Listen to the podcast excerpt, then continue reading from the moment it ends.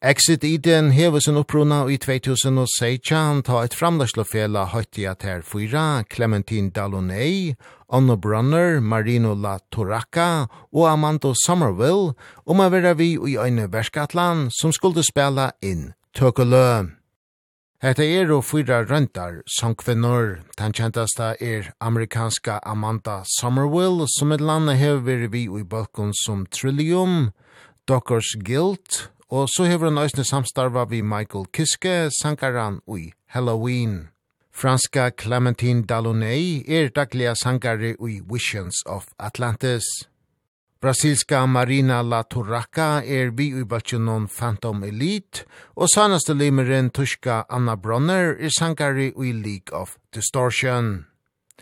Debutgavan Cha Exit Eden, Rhapsodies in Black, var senda marsnaien ui 2000 og Seijan og etter er en utgave vi tøkeløven borster av.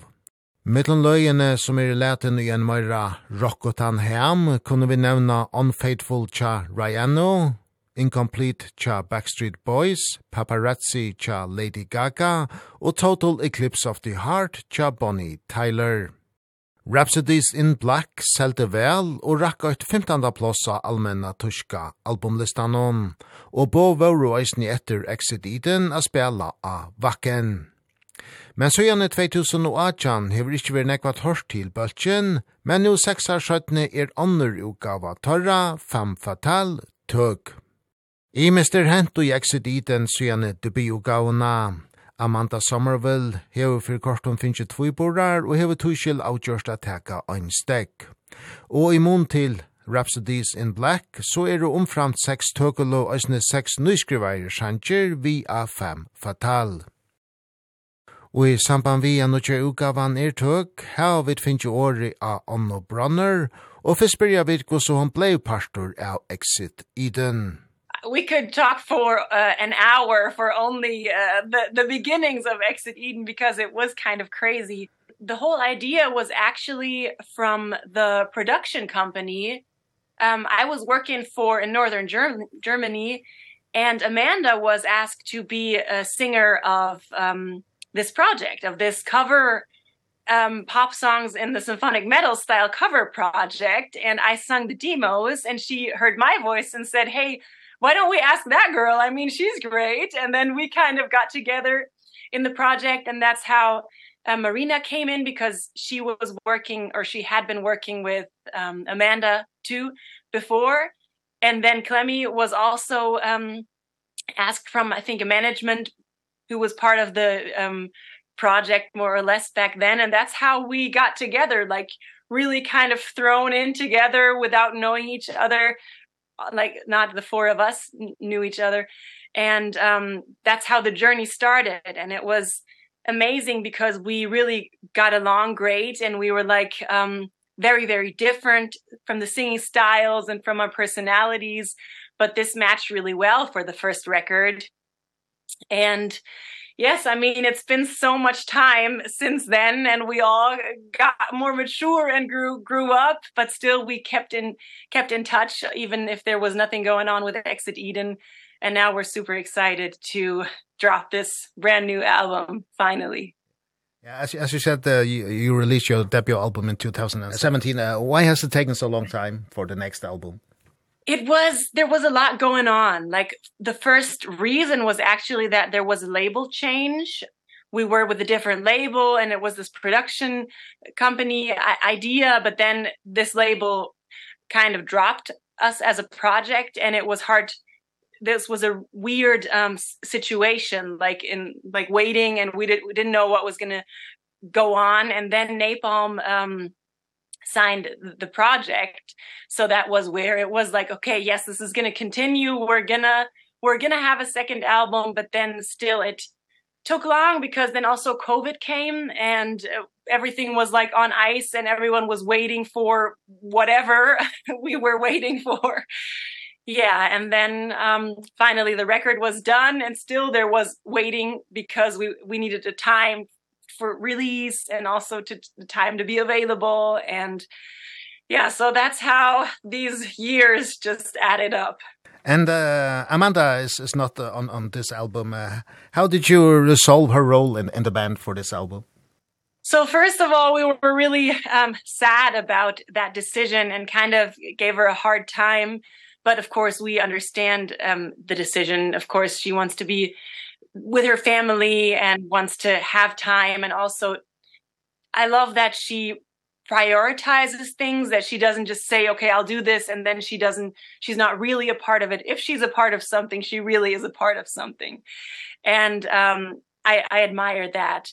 So that was definitely one um big change but i think we we're all very individual. We have different voices different styles. And i think the three of us are um also a great match in singing together but also having our individual parts.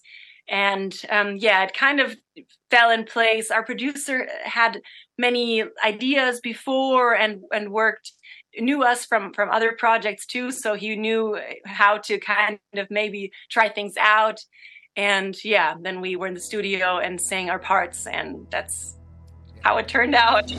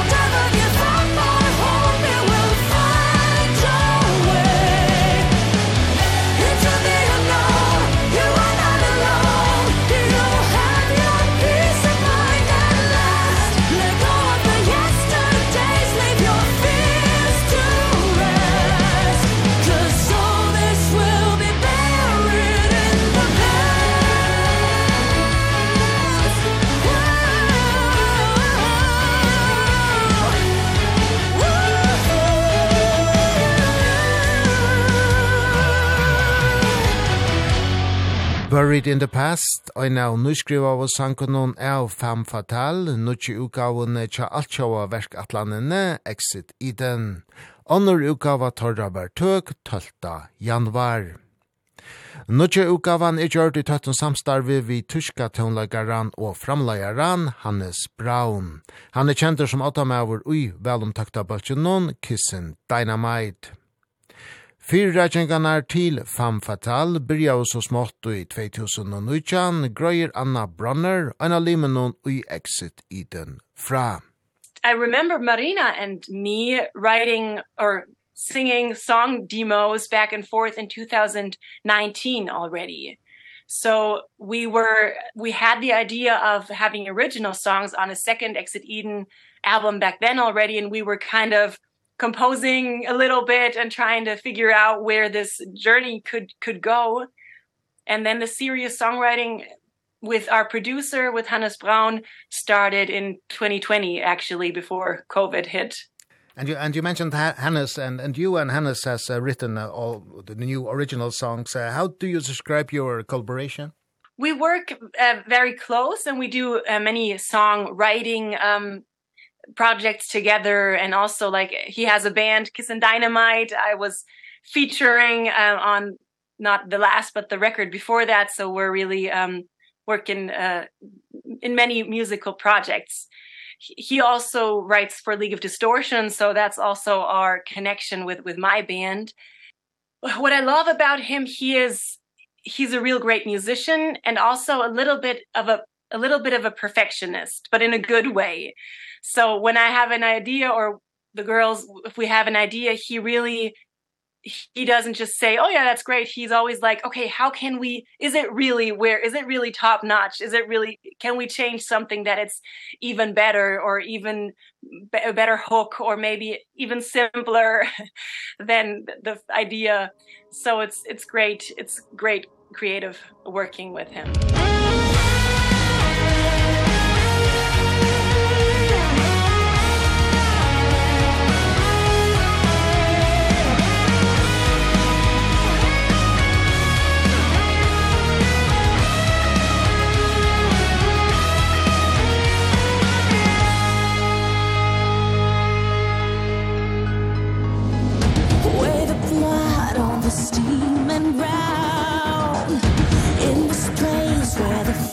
thousand hearts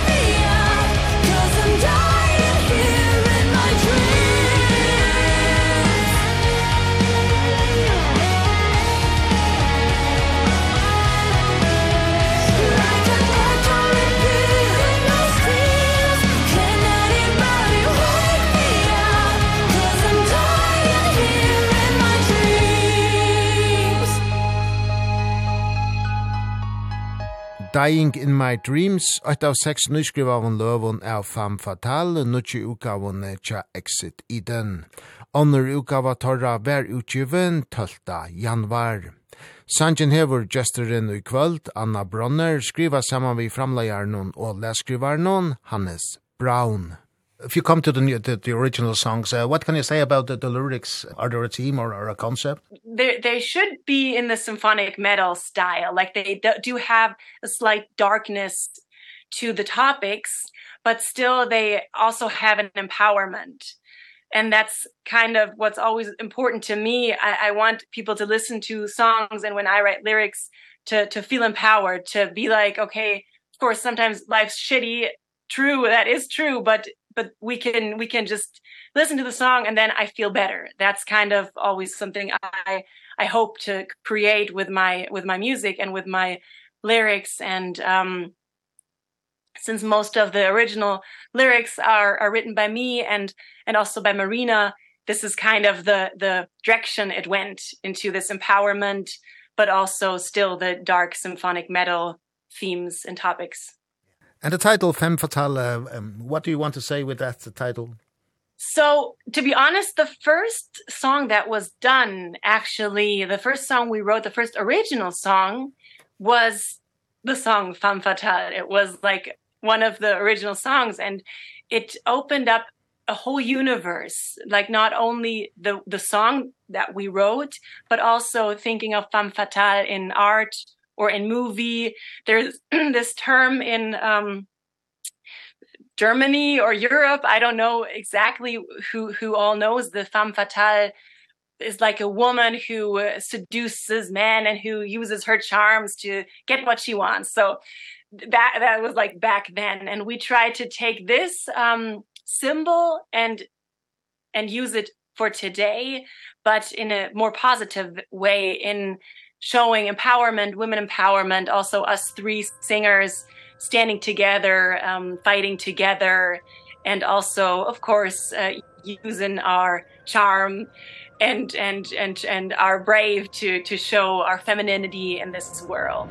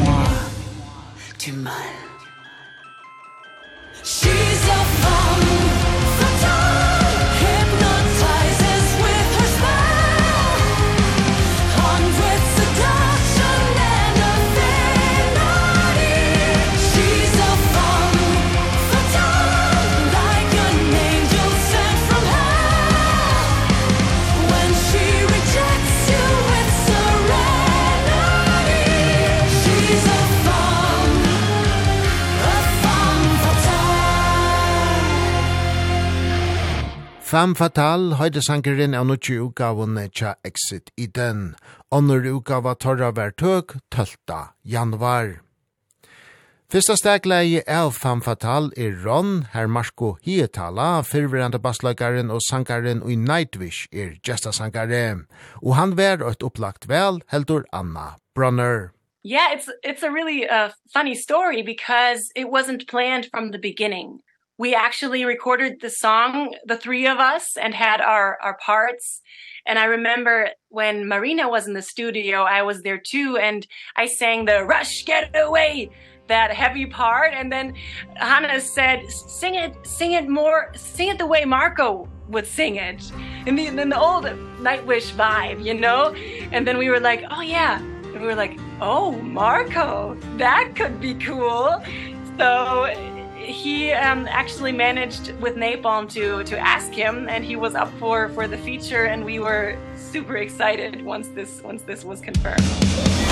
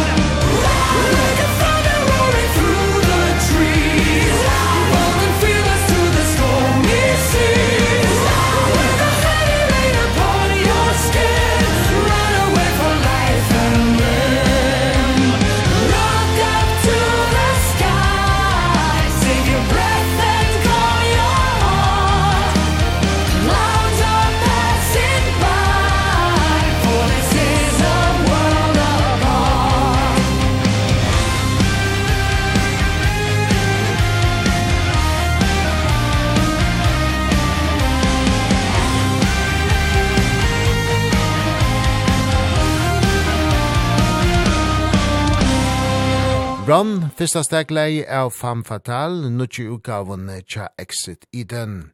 Onur utgava torra var tøk 12. januar. Som gesta sangara har du vid Marko Hiatala, som vi kjenna ur finska baltjennom Nightwish. Omframt seks nyskrivajar sjanger er oisne seks tøkulö vi av Femme fatal. Lø tja nøron Pet Shop Boys, Alice Cooper, Journey og Marillion. Og det var trobult å velja hese seks løyene tog opprunnalige var i oppskottene. Fløyre, sier Anna Brunner. It actually was difficult because um, after the first record, I had like a list of hundreds of songs. I was like, oh, this could be a cool song. Oh, this could be a cool. And this list on my phone, it's not even on this one. It was on the phone before I had. And there were so many crazy ideas but once we were in the creative process of Femme Fatale of the album um we noticed that we don't want to have these crazy cover songs. We want it to be like one piece of music and to to to be an album where the songs really fit and it doesn't it's not like this from from this style and they kind of kind of don't really fit. So this it was hard to um choose them but this was more or less um our producer and the label who really made the decision. So that's why we were kind of relieved to not have to figure out and choose six songs from 350 or something. And and what what do you think you, you give to this uh these songs compared to the original? So we do want to keep the vibe. We didn't want to have like a totally different song with like different parts or I don't know it should should still stay in the in the vibe of the original but still in a special way that people were like maybe it keeps the good th or special things from the song but it adds maybe a shout here and there and also sung by three girls or three women.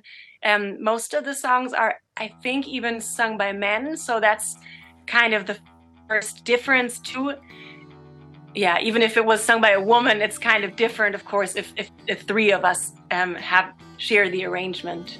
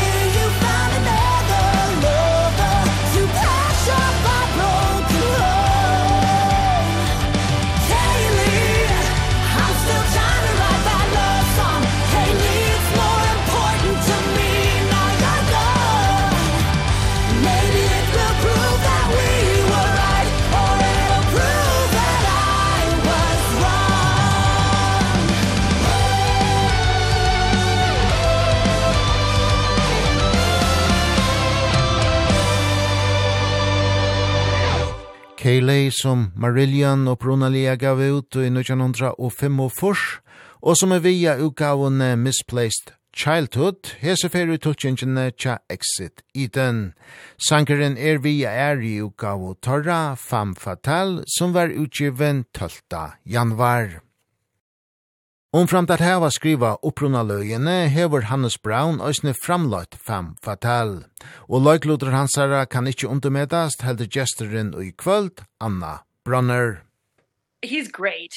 He's um, really, I just admire him as a musician and his productions are also very musically and also very, there's details and there's like, he's not content quickly in the first like round he really always tries to to push it to the best in the production but also in the studio. Like uh, recording vocals with him is really great because he kind of tries to push push us to the the best to to the limits. And sometimes i'm like oh no this would this would be weird. And I'll, he'll just just try it. If you don't like it then we can just no one will ever hear it. But if it's if this extra special touch is something that adds to something even more special then yeah let's try it. And that's one of the things i admire about him. And also with his with his songs. I just think he has a real great songwriting talent and working together with him mixing songwriting skills from from us. I think that was really really great fun. And jakob hansen has mastered the the album. What what do we give it the sound? I think he just like puts it to another another extra level. I mean it's just master is just um I don't 100% know how the technical situation is how you really do things but it's just um it's just great to also have someone who has mastered so many other um albums in our style and also is someone who is well known and kind of puts another quality mark on our Exit Eden album. So I'm yeah, I think that's really really cool.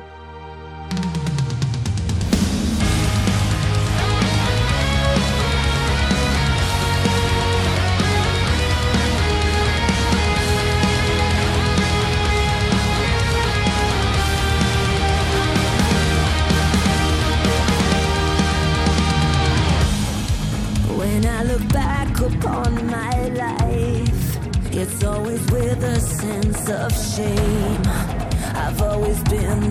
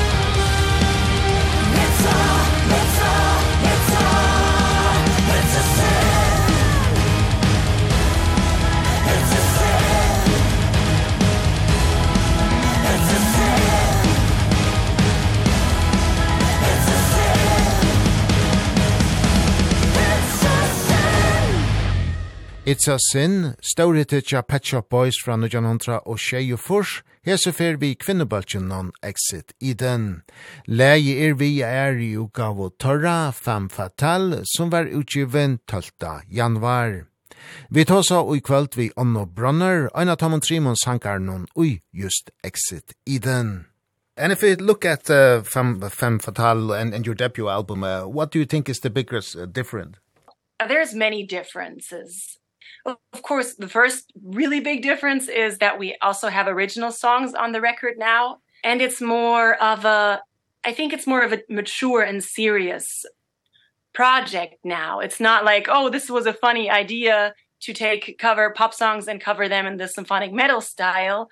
But yeah, this was the first step and now we're taking it to a more mature level and also since we know each other now and we're really close the three of us it's really um it feels like a more like a real band now and it feels like a more project of of uh, us and um yeah it's it's a good point to hopefully continue and see where this journey is going to take us Yeah, and you mentioned you you take it more serious now. Uh, all three of you are in, involved in other bands. How, how high priority do you give Exit uh, Eden? a pretty high priority because yeah because we never stopped believing in it. I mean after these years passed i mean we also had times where it was like oh will will this ever be will the second record ever happen? Or was this just nice to work on some new things and we'll never never release them or something like that? But we all pushed for it and we all I re really think we we all take it very serious. And also it's just so much fun to get together. And when we have the video or photo shoot we meet at one of our hotel rooms and just talk and talk and talk. And it's like oh gosh we got to get to bed because we have to be we have to be awake tomorrow. So it's really it's it's professional but also on a friendship level this this project means really really much to us.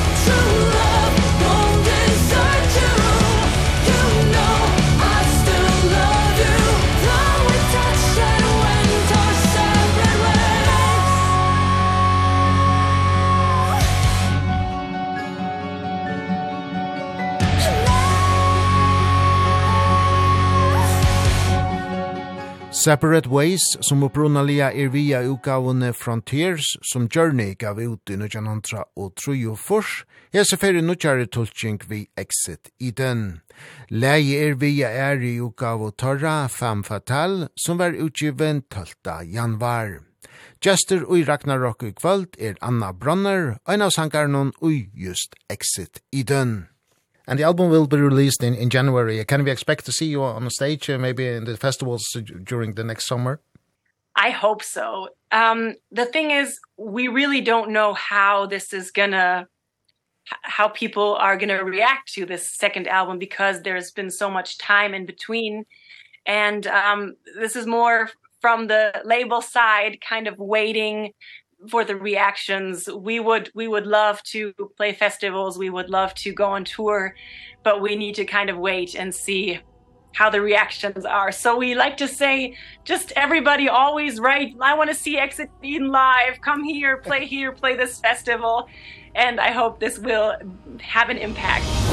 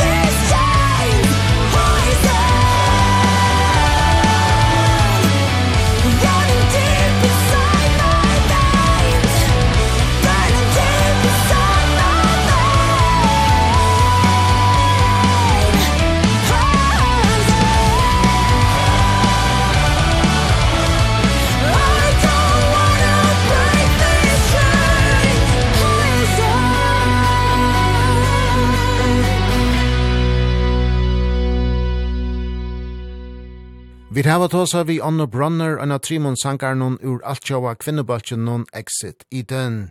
Vi tosa vi om nutje uka av Torra Fem Fatal som var utgiven 12. januar. Helmingeren av sankunon av oss i er i uka tja Exit i den ero nyskrivaier, men hin helten ero tøkkelø. Vi enda var vi at høyre eit av tøkkeløvnån, Poison som Alice Cooper opprunalega gav ut i 1900 og 1924, og som er via uka og hansara Trash.